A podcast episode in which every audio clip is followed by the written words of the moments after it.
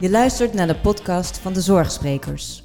Het sprekersbureau voor prominente personen uit de zorg. We zijn specialist op het gebied van dagvoorzitters, ervaringsdeskundigen, bestuurders en uiteraard zorgverleners voor uw congres of webinar. Aansprekende verhalen van deskundige sprekers maken de zorgsprekers uniek. In deze reeks podcasts gaan we verder kennis maken met alle zorgsprekers. De zorgsprekers, omdat het om de inhoud gaat.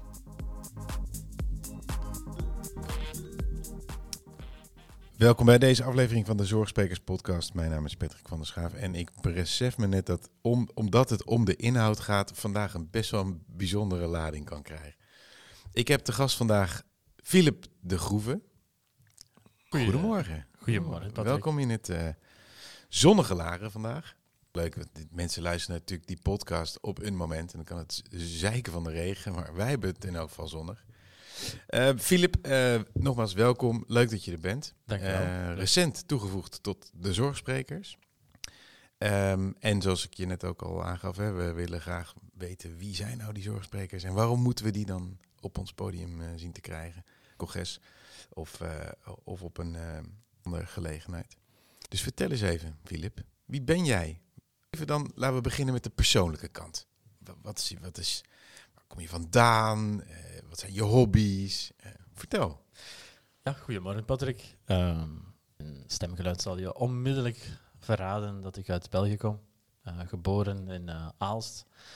De meeste Nederlanders een totaal onbekende stad, maar in België bekend als de grootste carnavalstad die ah. België rijk is.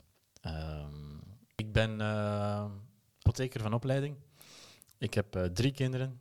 Um, en ik ben uh, naar Nederland gekomen ongeveer viertal jaar geleden. Ik woon in Utrecht. En tussen België en Nederland heeft nog een uh, verblijf uh, gezeten in Turkije en Duitsland. En dat allemaal voor je werkgever, denk ik. Ja, en dat allemaal voor mijn werkgever. Want het apotheken zelf, dat had je vrij snel de, in de wereld gegangen, zoals wij dat hier zeggen.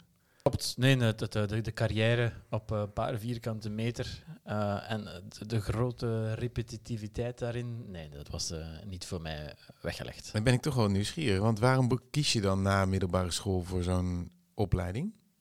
Ola. Uh, want ergens, dat werk is natuurlijk er, ergens, al ergens vele decennia hetzelfde, zeg maar.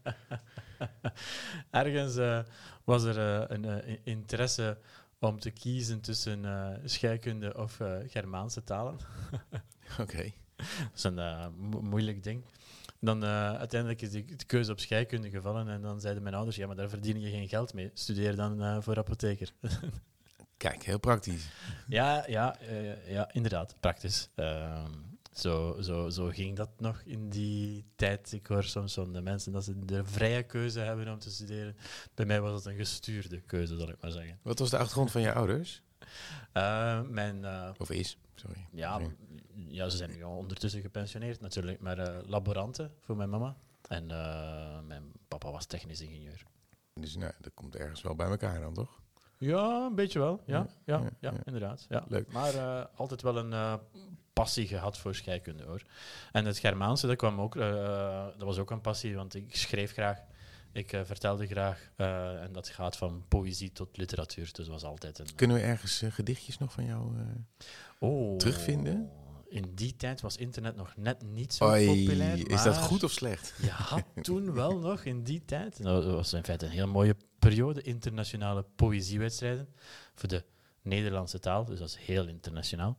Ja, er spreken toch zeker en, uh, 25 miljoen mensen. En die, die boekjes waar dat dan die gedichten in staan, ja, die, die heb ik uh, nog op mijn uh, slaapkamer thuis ergens in ja. België van toen. Ja. ja. Leuk, leuk om terug te lezen, denk ik. drie kinderen, een druk, drukke bedoeling dan. zijn ze die, hoe oud zijn die kinderen? Ja, die kinderen zijn nu niet meer zo'n grote last. Oké. Okay. Nee, dat is uh, eh, 15, bijna 16 en uh, eh, 14 en 11. Oh, die kunnen een heleboel dingen zelf al. Die willen een heleboel Die willen een heleboel dingen. Ja. Um, Philip, jij uh, zegt in jouw carrière als apotheker eigenlijk gedag. Je, uh, ik lees op jouw website, die er overigens prachtig uitziet, um, dat je uh, de marketingkant opzocht. Niet een hele vanzelfsprekende keuze voor een apotheker. Met een scheikundige en Germaans. Of nee, dat, help dat, me even met dat bruggetje. Ja, nee, dat klopt. Uh, na mijn opleiding uh, uh, ben ik nog een opleiding, dat noemde toen Master in Business Planning, noem het een beetje een MBA. Maar het gaat er voornamelijk over dan om je eigen bedrijf te starten. Dat, daar lag ergens een, uh, een zekere interesse. En in die opleiding kom ik in contact met marketing. Dat leek mij, of dat heeft heel veel van mijn passie genomen, want marketing gaat dan weer over verhalen vertellen. Uh, zodanig dat ik in feite in die opleiding gestart ben met een stage bij een van de grootste uh, marketingagentschappen. Dat heette Ogilvy. Dat is nog altijd een van de grootste uh, agentschappen wereldwijd. En die hebben mij een stageplaats gegeven en onmiddellijk ook een job aangeboden. En zo ben ik in de marketingwereld terechtgekomen. En ik heb in feite die apothekerswereld dan vaarwel gezegd. Maar als je dan de titel hebt apotheker, dan word je natuurlijk voornamelijk geboekt op te werken aan gezondheidscampagnes. Ja. Het, is, uh, is, is, nu al twintig jaar uh, dat ik daar uh, met gezondheidsmarketing in feite bezig ben. Ja. Um, wat versta ik onder gezondheidsmarketing? Dan moet je denken aan enerzijds de campagnes die farmaceutische firma's doen richting um, artsen. Dat is hun voornaamste doelgroep. En dan kun je ook denken aan de consumer healthcare zijde, waarbij dat voornamelijk OTC-producten uh, OTC, nee, niet iedereen ja. is uh, uh, ingevoerd. Over-the-counter producten. Over in Nederland ja. de producten die in kruidvat staan, ja. vaak. maar in andere landen... vrij verkrijgbare. Ja, vrij verkrijgbare producten. In andere landen heb je geen drogisten. dat is een, een, belangrijk onderscheid tussen Nederland en zowat alle buurlanden in Europa. En die producten die promoot je richting consumenten. Dan. Ah, ja. Veelzijdig. Totaal andere doelgroep ook. Uh, ja, de, de enerzijds, heb je, enerzijds heb je de consument en anderzijds heb je de healthcare pra uh, practitioner, zoals we het noemen, maar de gezondheidsspecialist. En soms heb je ook opdrachten die je doet in functie van verenigingen of uh, overheden. En daar komt dan ook een grote sensibiliseringscampagne vaak uit. En dat, dat zijn dan funded campaigns. Ja. Dus dat, je komt op een gegeven moment te werken bij je huidige werkgever. Coloplast, uh, ja. Coloplast. En uh, kun je kort vertellen wat Coloplast producten levert? Ja, Coloplast is een uh, producent van medische hulpmiddelen voor mensen met intieme gezondheidsproblemen.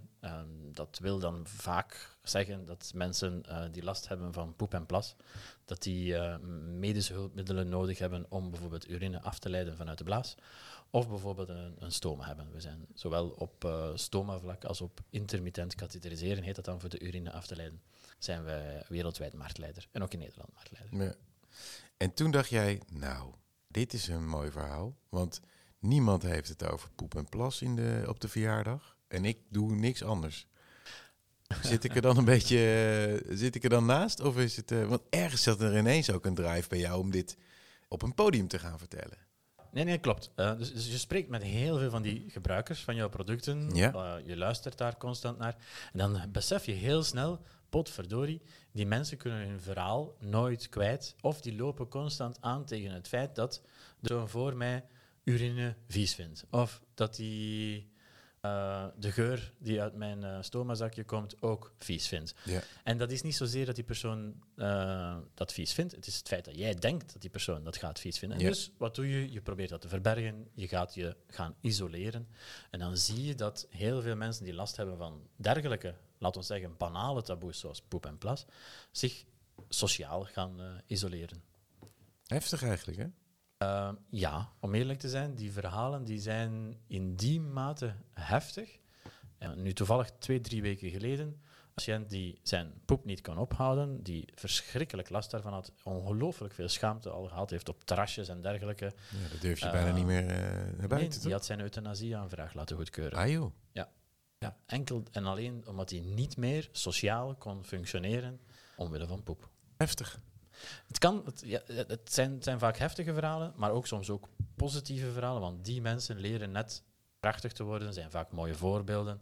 Maar, maar ja, heftige verhalen, kroon, colitis, zijn vaak uh, ziekten die aan de onderkant liggen, zeg, aan de oorzaak liggen. Letterlijk en gevoel. Uh, dat zijn toch wel uh, aandoeningen die, die aandacht nodig hebben. Ja. Multiple sclerose is ook zo eentje. Ja, dat zijn, dat zijn geen uh, gemakkelijke Nee, nee, nee. nee. Um, en uh, wij hebben elkaar uh, voor het eerst gezien bij het try-out event van de Speakers Club van, Ja. van Niek. Eh, onder andere van Niek moet ik zeggen, want ook van Mandy en volgens mij inmiddels ook van Joyce en van Nancy Ja, en van eh, en, eh, Richard, eh, nou, van een heleboel mensen, allemaal hele leuke mensen. En die leiden sprekers op, ehm, certified speakers. Ja. Eh, jij hebt ook zo'n sticker, of zo'n button op je site, eh, hoe- hoe heet dat? Ja. Eh, een schild. Ja. Keurmerk, dat was het woord wat ik zocht. En dat, Anders wordt het een wapenschild. Maar ja, ja, ja, ja, maar dat is natuurlijk wel gaaf, hè, dat wij ook met de zorgsprekers eh, ehm, eh, eh, zoveel mogelijk certified sprekers zouden willen hebben, omdat dat een bepaalde kwaliteit geeft. En ik was onder de indruk van jouw verhaal, heb ik jou daar ook gezegd. En niet alleen maar om de inhoud, want wat, wat we net bespraken is natuurlijk heftig. En ehm, soms heel grappig, denk ik ook. En over kun jij, er heel grappig over vertellen. Was dat ook je insteek? ehm, Is het een show? Ik denk sowieso, een keynote is een klein beetje entertainment, ja, moet. Maar er zit natuurlijk wel een boodschap en een beweging achter. Het gaat Ja. hem niet zozeer dat ik ehm, wil praten over taboes, want dat is heel gemakkelijk. Het is gemakkelijk om over poep en Mhm. plas grapjes te maken. Ehm, maar ik wil dat het publiek leert beseffen dat een taboe mensen kan isoleren. En dat we ook gemakkelijk, eh, gemakkelijk hè, met een paar eenvoudige tips, taboes kunnen doorbreken. Is dat dan ook jouw, eh, jouw missie als spreker?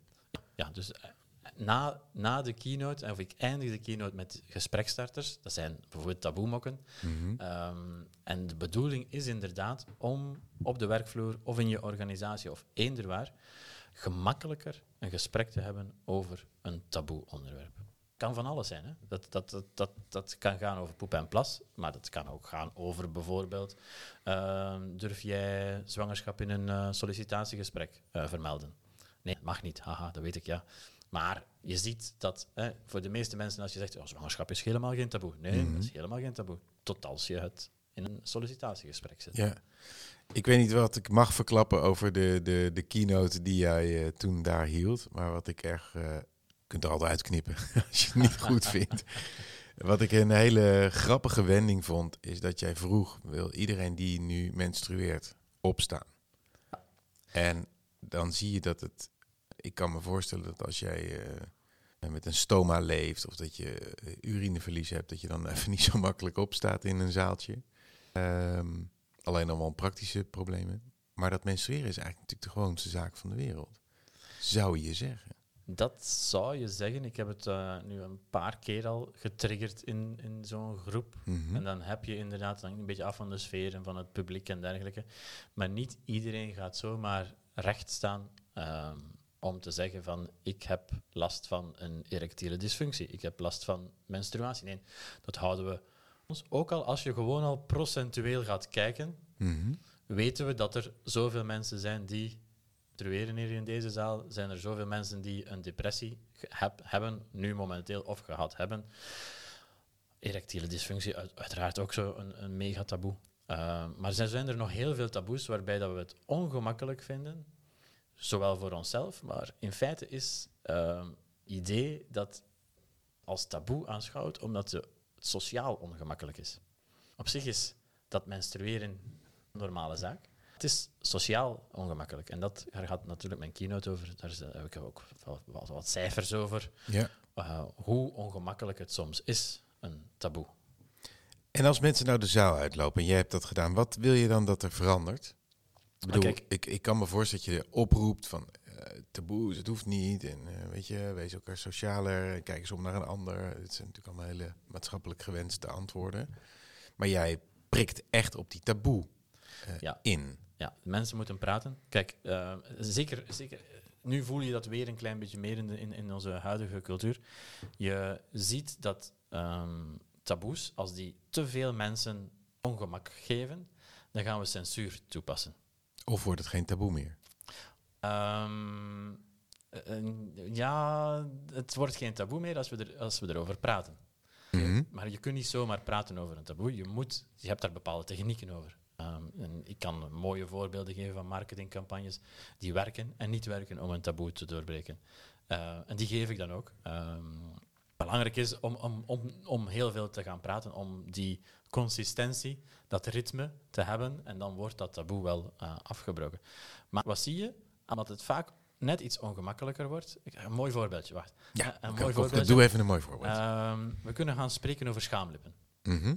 En dan kan ik jou vertellen dat je schaamlippen hebt die groot zijn, die klein zijn, die van binnen, van buiten en dergelijke zitten. Ik ga het doen met labia. Je hebt grote labia, kleine labia. En dan wordt het plotseling veel gemakkelijker om over labia te spreken dan in plaats van schaamlippen. En dat is omdat schaamlippen, Meer zo'n distantie door het woord. ja, het is een eufemisme. Ja.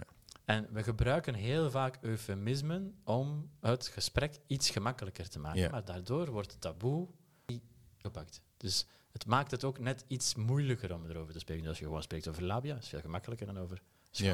Is dat ook een beetje, eh, jij schurkt ook wel tegen die medische wereld aan, daar heb je vast een heleboel artsen ook over. Is dat ook een beetje tij?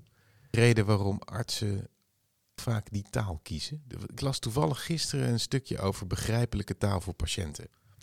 Daar ben ik bijzonder in geïnteresseerd, want ik vind die hocus pocus taal onderling hartstikke goed. Ik heb een luchtvaartachtergrond, wij kunnen een heel gesprek voeren met luchtvaarttaal en dan zit denk procent van de mensen denkt, waar hebben ze het over? Ja. Eh, met afkortingen, Latijnse namen. ehm, ook gewoon ingewikkeld Nederlands taalgebruik. Ja. Eh, denk je dat dat voor artsen een soort afleiding is van het taboe? Ehm, het is die arts die rekening houdt met het feit dat hij het misschien ongemakkelijk maakt.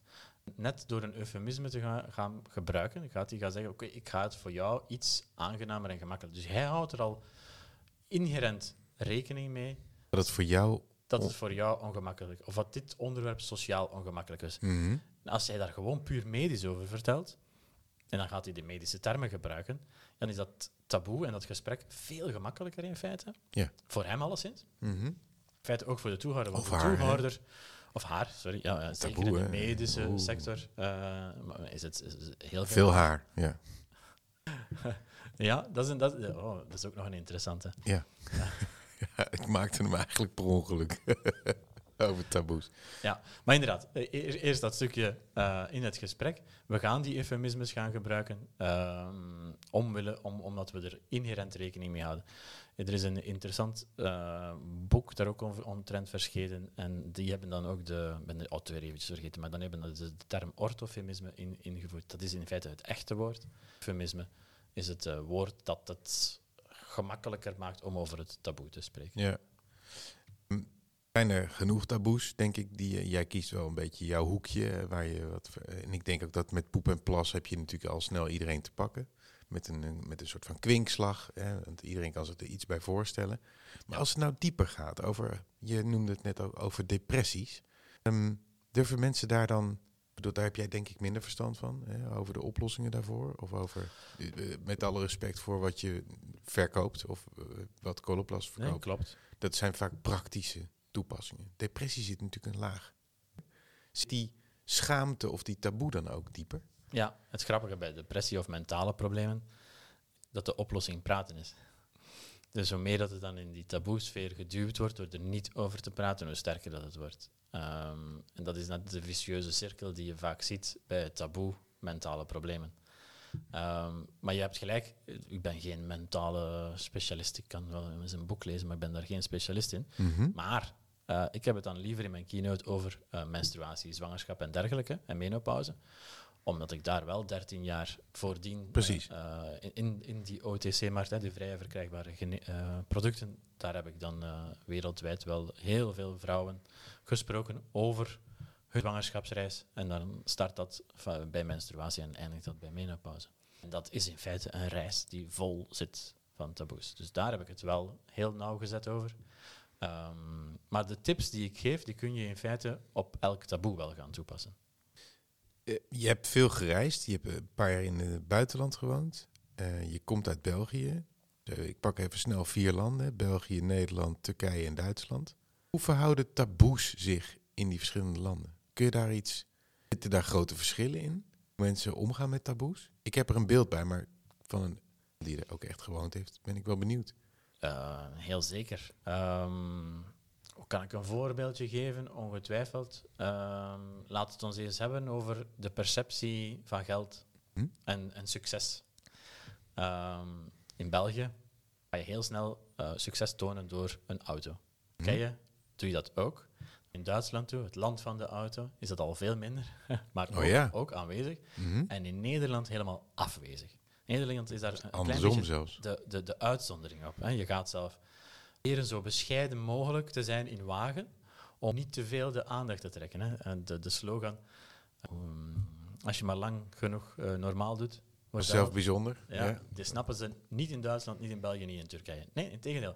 Turkije is zelf een land waar je gaat zeggen van je moet ook naar de titels gaan kijken van mensen en dergelijke. Die hiërarchie is veel meer aanwezig, maar die trots om iets te verdienen en een titel te verdienen en geld te verdienen is veel meer aanwezig dan bijvoorbeeld eh, in Nederland. Als je in Nederland een consultant hebt en die komt toe met een eh, Porsche, dan je dat je te veel betaalt. In, in, in Duitsland of Turkije denk je van, amai, die moet echt goed zijn. Ja, dat heb ik wel vaker gehoord. Ehm, maar ik bedoelde eigenlijk ook meer de taboes. Eh, nou, laten we het over menstruatie hebben of over urineverlies. Even, eh, dat zit iets minder in cultuur, maar gewoon in het menselijk wezen. Ja. Snap je wat ik, welk verschil ik zoek? uiteraard. Ehm, taboes die te maken hebben met ehm, Biologie. lichaamstoffen. Ja. Ja, er zijn, als, je- als je eventjes over taboes. eh, taboes hè, zijn, de, zijn, zijn eh, wo- woorden of gedragingen die andere mensen ongemakkelijk eh, doen voelen. En dan ga je gaan kijken over de hele wereld welke taboes dat er leven. En over heel de wereld heb je taboes die overal terugkomen. Je hebt taboes die gelinkt zijn aan seks en aan lichaamsexudaat, zal ik maar zeggen. Eh, Mooie woorden. Dan ga je toch eigenlijk je ortho-eufemismes gebruiken, toch? Ja, ja. Ehm, en die komen overal ter wereld terug. Andere taboes die hebben soms te maken met cultuur, geloof en dergelijke. En die zijn meer regionaal. Mhm. En Ehm, cultuurgebieden. ja. Dus je hebt inderdaad het menstruatieprobleem.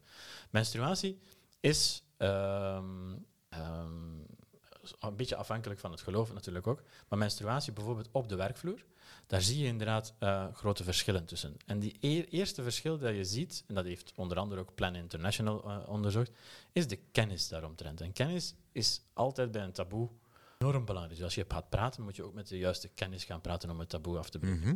bijvoorbeeld menstruatie, dan wat zie je dan? Dat jongeren in Nederland minder dan jongeren in andere landen en ontwikkelingslanden weten wat menstruatie is. Zelf banaal dat heel veel jongeren het niet weten in Nederland wat menstruatie is.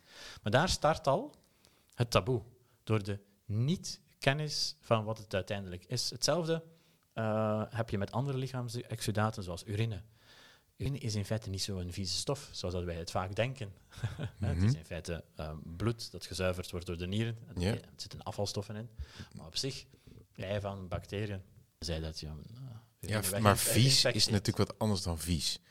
Hè? Ja, oh, er zijn we twee viesjes. Ja, sorry, vies. Eén vies is Ah. eh, hy- Ja. niet hygiënisch. Of vies is het ruikt niet zo fris en Sorry. zo. Vlaams accent. Nee, in, in Vlaanderen zeggen we vies voor eh onhygiënisch. Ja, ja, ja, ja. ja, hier ook. Alleen eh, gelukkig maar- heeft onze taal vele betekenissen. Maar vies kan ook boos zijn in Vlaanderen. ah, die hebben we dan weer niet. Ja, ja, ja. Nee, nee, maar wat ik Maar- bedoel... Lichaamsexudaat is inderdaad eentje. Mhm. Ehm, en dan zie je inderdaad, daar waar dat de inclusie van de vrouw minder groot is, dat menstruatie een groter probleem is, eh, om, om het te durven zeggen.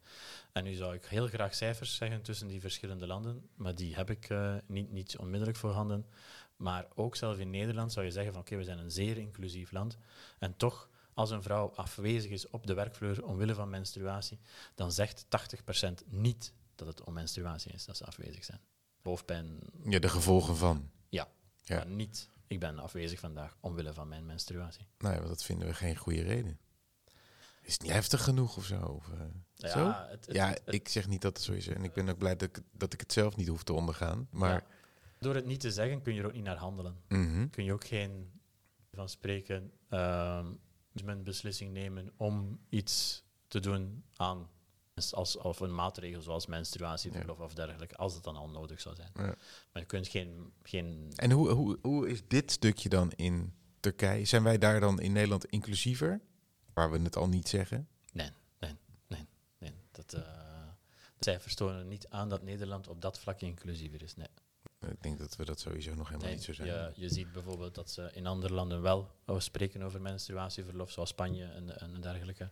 Dat ook in het nieuws naar voren. En dan PNV heeft daar onmiddellijk als reactie opgegeven, ja, Nederland is daar niet klaar voor. Het taboe is in Nederland te groot. Want stel dat je zelf menstruatieverlof zou geven in Nederland en dat uh, uh, gaat installeren, ga je zien, net in, als in Japan, waar het al sinds 1947 bestaat, niet gebruikt wordt, omdat het taboe te groot is.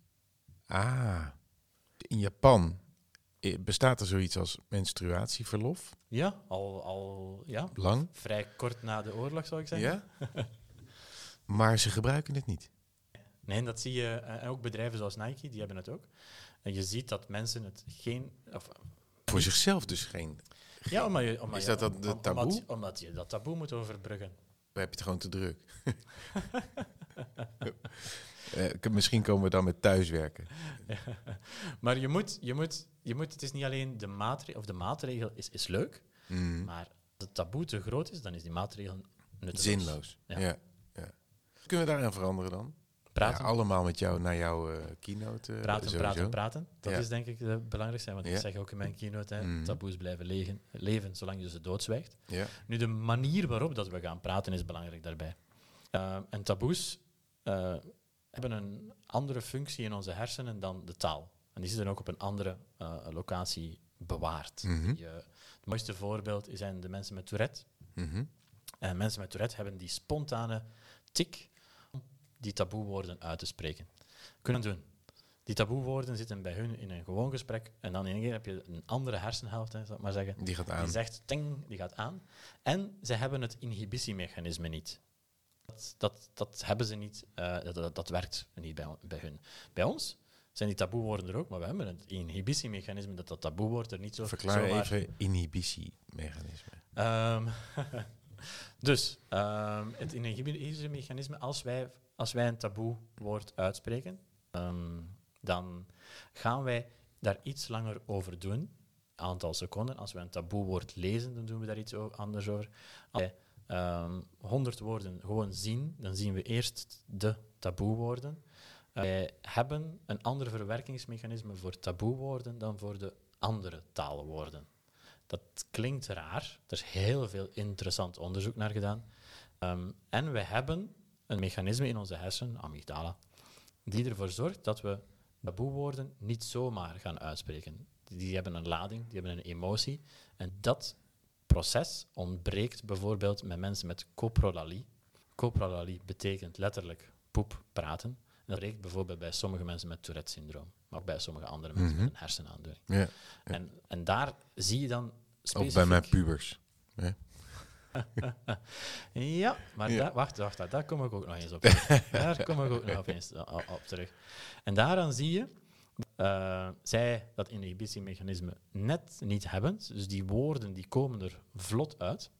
En die kunnen dan natuurlijk voor de omgeving vrij uh, chockerend zijn. En je kunt dan natuurlijk wel gaan zien per, uh, over de hele wereld welke taboewoorden er zijn.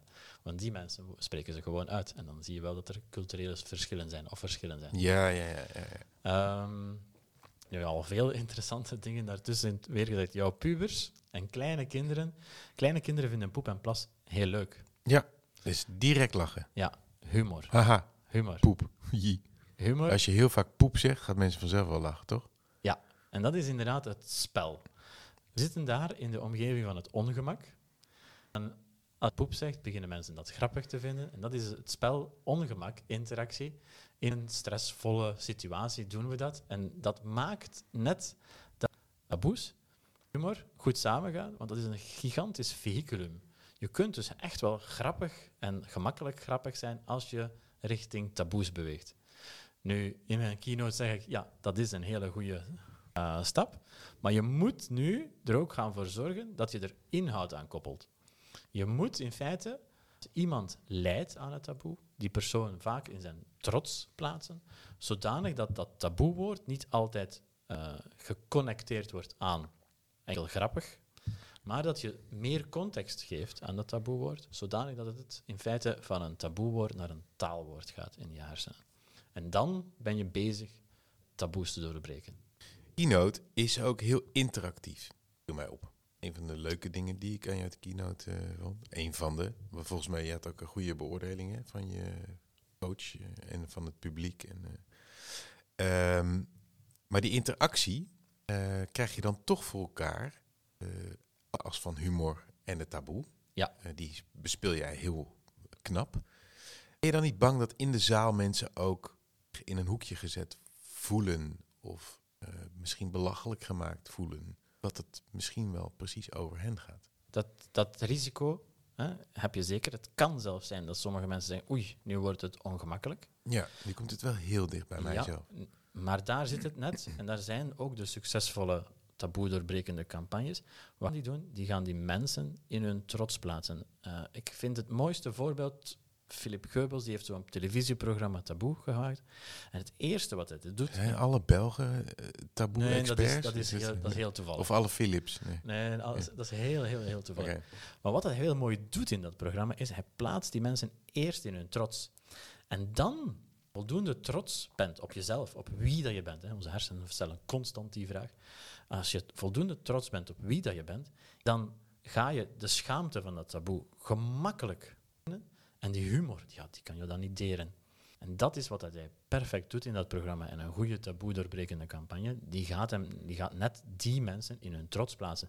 Niet zozeer over die aandoening of over eh, dat poep en plas, maar over wie ze zijn. En als jij voldoende trots bent op wie je bent, dan kun je ook het taboe gaan doorbreken. Maar ja, dat, dat is mooi. Eh, ik denk dat, dat, eh, dat je daar ook gelijk in hebt. Maar die, die kans heb jij niet in je, in je keynote. Voor een groep van 400 mensen. Of wel? Ja, Wel? ja dat, dat lukt denk ik toch redelijk aardig, want het is door het inzicht te geven, bijvoorbeeld wat menstruatie Wat met- het precies is. ja, en wat het met iemand doet. En ik geef bijvoorbeeld voorbeeldjes uit de tenniswereld en dergelijke. Mhm. Dan, als je dan ziet wat dat die vrouw wint, dan is zij een heldin. Ja, op die manier zet je iemand als En held dan- neer. En dan is het plotseling toch wel veel begripvoller als je eens een grapje erover maakt. Dat is allemaal doordacht. Mm, ja, dat is allemaal doordacht. Ja. Maar er zijn wel moeilijke taboes hoor. Eh, menopauze is zo eentje. Eh, Mhm. dat is een veel, een- Is die lastiger? Die is, die, is, die is bijzonder lastig, omdat... ehm, Lekker zo'n taboe gesprekje op de vrijdagochtend, hè? Dat is ook geen taboe meer nu. Sorry, ik val je in de reden. Menopauze. eh, menopauze is, is, een, is een lastig taboe, Mhm. omdat ehm, de symptomen zijn velerlei Divers. en het doet iets met wie dat je bent. En ik heb daar juist gezegd, je moet mensen in hun trots plaatsen, je moet ze trots maken op wie dat je bent. Maar een vraag aan een vrouw in haar menopauze, die gaat soms zeggen, ik ben mezelf niet. En Ja. daar zit een zeer interessant eh, gesprek. Eh, menopauze, daar heb ik iets meer tijd voor nodig om mensen in hun trots te plaatsen. Om, om, omdat net dat aspect van identiteit, net bij menopauze ook een klein beetje aangetast wordt. Ja, ja, je eigen ik. Ja. boeiend. Maar is het ook niet zo dat als iemand eh, met een stoma door het leven moet, eh, dat dat ook wel iets met zijn persoon doet? Ja, ja de, men- de mentale last van een stoma is, is, is vaak... ja, alle mentale lasten zijn vaak onderschat. Mhm. Ehm, en onder andere met Niek van den Adel hebben we ook een heel mooi mentaal eh, programma eh, uitgewerkt voor stomadragers. Mhm. Ehm, al inderdaad, die mentale last is er, maar die wordt voornamelijk gedreven door oei, ik ben anders, oei, ik word anders gepercipieerd, die taboe eh, weegt zwaar, ik ga niet meer kunnen, de mensen denken dit. Maar hoe meer dat, mijn, dat kinderen al van jongs af aan weten wat een stoma is en dat het in feite een andere uitgang is, ja, Ja. dan breek je dat wel af. Maar inderdaad, de mentale last is groot. Ben je een andere persoon? Maar dat is eerder door de vooroordelen die je hebt over jouw omgeving en hoe veerkrachtig je er dan zelf gaat instaan. Ja.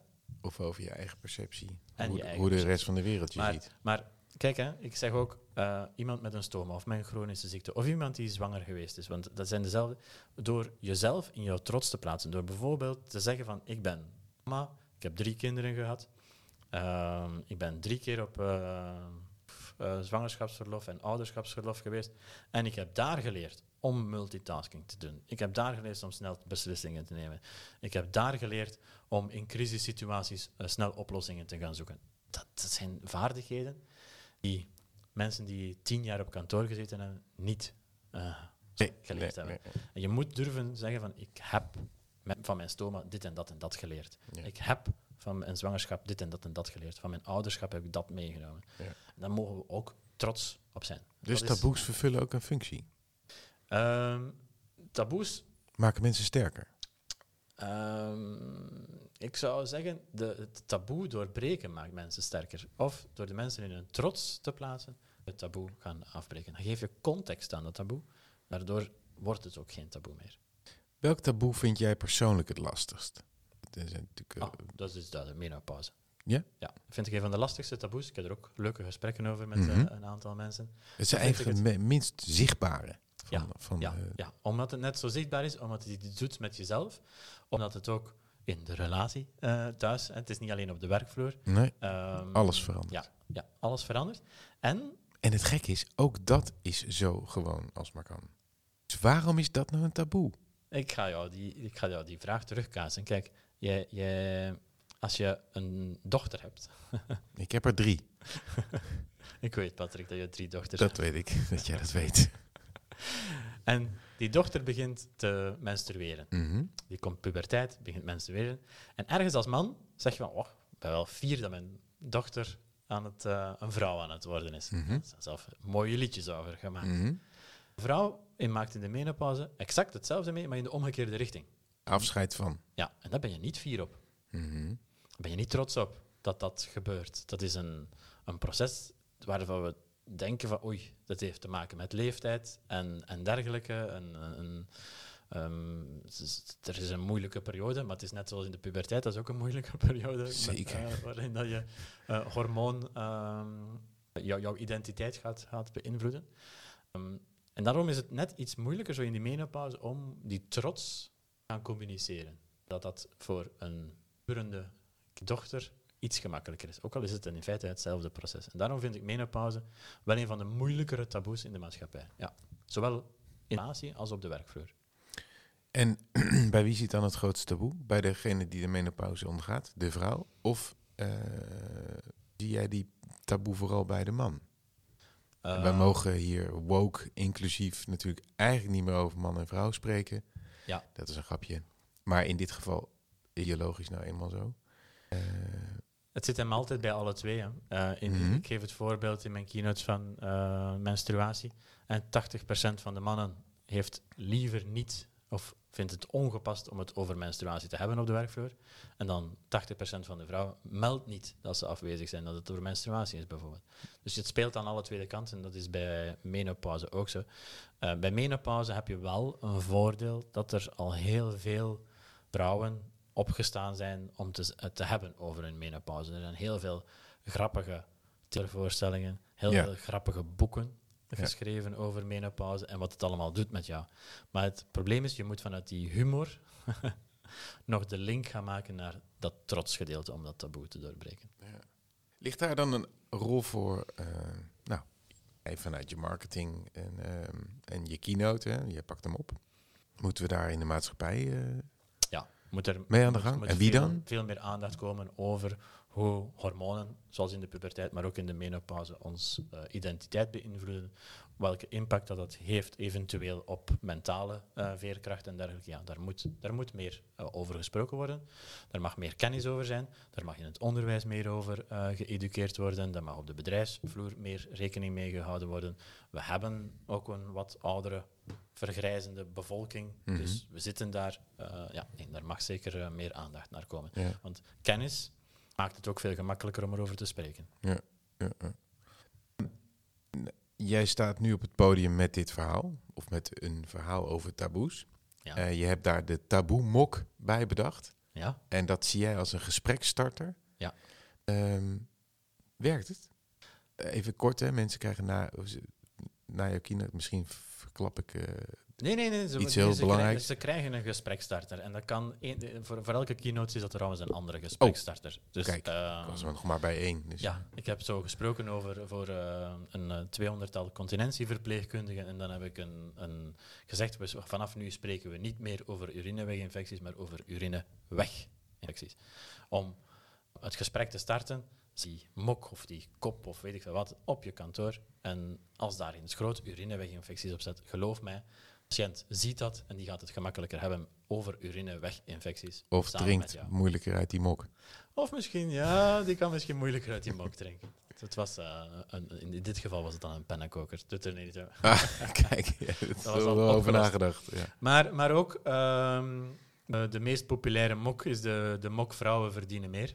Eh, en daar heb je ehm, een klein beetje het activisme dat je vandaag de dag eh, ook op de werkvloer steeds vaker ziet. En je gaat in jouw bedrijf mensen hebben die zeggen van ik wil dat ons bedrijf meer doet voor het milieu. Ik wil dat we inclusiever worden. Ik wil... En je geeft op dat moment een kanaal om het erover te hebben. En dat activisme, als je het niet gaat aanpakken als werkgever of niet over gaat hebben, het is ook weer praten natuurlijk, dan gaat dat ehm, in een verkeerde richting gekanaliseerd worden. Of riskeer je dat het in een verkeerde richting gekanaliseerd wordt. En als je de mensen een hulpmiddel geeft om te zeggen van ik wil het hier ook wel eens over hebben, dan gaat dat lukken. Met bijvoorbeeld een dergelijke mok. En dat is net de beweging die ik op gang wil brengen. Dat je moet durven een klein beetje, of zelf als, als werkgever of als organisatie of als maatschappij, profiteren van het signaal dat mensen geven om het erover te hebben. En daar eh, waarschuw ik ook. We kunnen taboes kunnen ons ongemakkelijk doen voelen. De, we reageren soms. Hè, zoals, Waarom eh, doen wij dat? Waarom vind, waarom, je legt net uit, hè, bepaalde woorden in ons systeem hebben een andere lading. Waarom raken taboes ons dan? Want je voelt meteen iets. Als iemand zegt, ja, ik heb eh, een stoma. Niet in jouw wereld, denk ik, maar als je in de zaal vraagt wie menstrueert, dan is dat meteen iets. Waar zit, Hetzelfde met poep. hoe komt dat? Ja, maar als, als, als je... Als je eh, laat Maar waarom is dat zo? Maar, maar Patrick, als, als, jouw, als jouw kinderen hun eh, vinger in hun neus staken of in hun, eh, Mhm. in hun... In België zeg je dan poep. In hun, maar eh, als ze in hun anus staken, dan zei jij onmiddellijk, nee, mag niet. Dan krijg je automatisch... Maar dat heeft gewoon een reden. Omdat poep is vies. Vieze hand, Maar- niet doen. Maar leg jij, leg jij dan aan je kind van zes maand, zeven maand, acht maand uit eh, het vies is, het vuil is, dat het onhygiënisch is, of dat het eh, een ziekte Maatschappelijk is. Ja, nee, je legt in feite niks uit. Je geeft geen context. Context. Je mag hem gebruiken. Dank u wel. Maar je geeft geen context op dat moment. Dus dat woord is niet gelieerd. Hè. We onthouden Mhm. woorden door verhalen en dergelijke. Ja, er wordt En alleen kennis- een nee gezegd. Ja, en Dus- dus je komt in die eh, nee mag niet, Hmm. nee mag niet. En je moet het in feite naar de wel-kant krijgen. En daarop is therapie ook gebaseerd. Hè. Mhm. Ehm, je krijgt dan kinderen die eh, geconstipeerd zijn, zonder enige reden. Eh, tussen de leeftijd van 5 en eh 10 zie je dat, ja, of zelfs 12. En de piek zit rond de leeftijd van 10. Je ziet dat, dat kinderen geconstipeerd zijn. En er is geen oorzaak, geen fysische oorzaak. De dokters zeggen dan van het zit tussen de oren. En het klopt, het zit tussen de oren. Omdat het net erin gestoken is tussen die oren. Ja. Dan heb je al onmiddellijk een taboe die een medisch probleem veroorzaakt, bijvoorbeeld. Krijg het, hoe krijg je het dan naar die? Hoe krijg je het weer weg? Maar het zit in ook, ook niet alleen maar in die ene persoon, toch? Het zit in onze cultuur. Ja, dat zit in onze dat, cultuur. dat Ja. zit erin Ja, gebakken. maar alle ouders zullen zeggen, en dat heeft een reden, hygiëne, Mhm. maar we geven daar heel weinig context aan. ja. En die hygiëne klopt ook niet altijd. Een beetje overdreven. Hmm. ja. Met Goed. een vinger in een neus, Ja. snot, Ja. eh, moet altijd. Hè. Het, het, het, is, het, is, het heeft heel vaak veel te maken met, ja, je ziet dat ook met voedingstaboes en dergelijke. Ja, het, gaat hem vaak over hygiëne en ziekte en zo Ja. is dat daar ingeslopen. Een ander taboe is, ehm, wat, ik, wat ik wel eens zie, is bijvoorbeeld overgewicht. Mensen die, eh, Ja. om welke reden dan ook, op een gegeven moment eh, veel te dik worden, worden nu, ja, dan moet je wat aan doen. Je moet gezond eten, je moet bewegen. En soms zijn er natuurlijk gevallen waarbij mensen daar gewoon ook oprecht helemaal niks aan kunnen doen. Mhm. Ook tussen de oren. Eh, is dat eh, ook iets in jouw spectrum wat we nog kunnen verwachten? Eh, namelijk Als een- nogal een maatschappelijk Als een, probleem. als, hè? een, als een opdrachtgever daarnaar vraagt, ja, zeker. En Hmm. overgewicht is, godverdorie... ehm je hebt genetische oorzaken om Mhm. gemakkelijker eh, overgewicht te hebben. We weten bijvoorbeeld in Amerika dat de Hispanic veel meer last hebben van overgewicht en diabetes dan anderen. Dus er zit een duidelijke genetische oorzaak. Mhm. Maar er zit ook natuurlijk een sociaal oordeel bij. Ehm, En in onze Instagram-wereld en in onze versterken we een soort van verschil, ehm, wat tot nog een groter taboe kan leiden. Ja, klopt. Ik die Instagram-wereld niet volledig afschieten. Hoeft ook niet. Want bijvoorbeeld, eh, mijn kinderen die weten heel goed wat een stoma is, niet dankzij mij, maar dankzij bepaalde influencers op Instagram of TikTok in hun geval, die daar wel over spreken.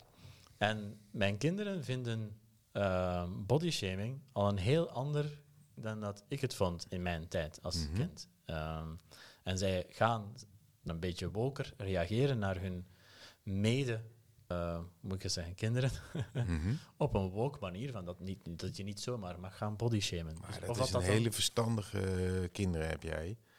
Eh, maar laten we eerlijk zijn, als wij een heel dik persoon over straat zien eh, worstelen om een tram in te, in te lopen, dan is dat, je hebt het plaatje nu al in je hoofd. Ja. Dan geeft dat een bepaald, ja, dat creëert iets lacherigs, toch? Iets, iets, iets humor. Ja, en, En, tegelijkertijd alleen, doe je dat niet in iemands niet- gezicht. Niet alleen humor, ook vooroordelen. Je bent Mhm. lui, je hebt jezelf niet onder controle, dus waarom zou je dan... Ja, dat is een diepere laag, Ja, denk ik. dat ja. is, ja, Ja. de vooroordelen heb je. En je hebt inderdaad een soort ja, humoristisch gedeelte. En inderdaad, eh, een, een zwaarlijvig iemand op een glijbaan, ja, die komt op TikTok terecht. Ja. Ja, dat klopt, daar wordt dan eh, spot mee gedreven. Ja. Ja. dat, is, dat is dan de bodyshaming, maar daar heb je toch nu de beweging tegen van, kijk jongens, daar mag je niet mee lachen. Ja. Ergens, dat is waarom ik het net zo benadrukte, zit dat dus in ons. Ergens is, als ik tien keer poep tegen jou zeg, komt er een grijns op je gezicht. Ja, En dat schel- hetzelfde geldt met andere taboes dus ook. ja en je krijgt, het er, je, menselijke krijgt het er, mechanisme? je krijgt het er wel uit hoor. Ik kan voorbeelden geven dat het eruit komt. Ehm, een eentje van die ik in, ook in het continentiecongres eh toegelicht heb, is dat een continentieverpleegkundige in een shoppingcenter eh, terechtkomt. En eh, haar job is om kinderen terug te leren poepen. Ehm, en ze komt in een shoppingcenter op de roltrap terecht en een kindje roept, hey, zuster, zuster, zuster. Ehm plotseling roept dat kindje, ik kan terug poepen voor het ganse shoppingcenter. Mhm. Dat is heel mooi.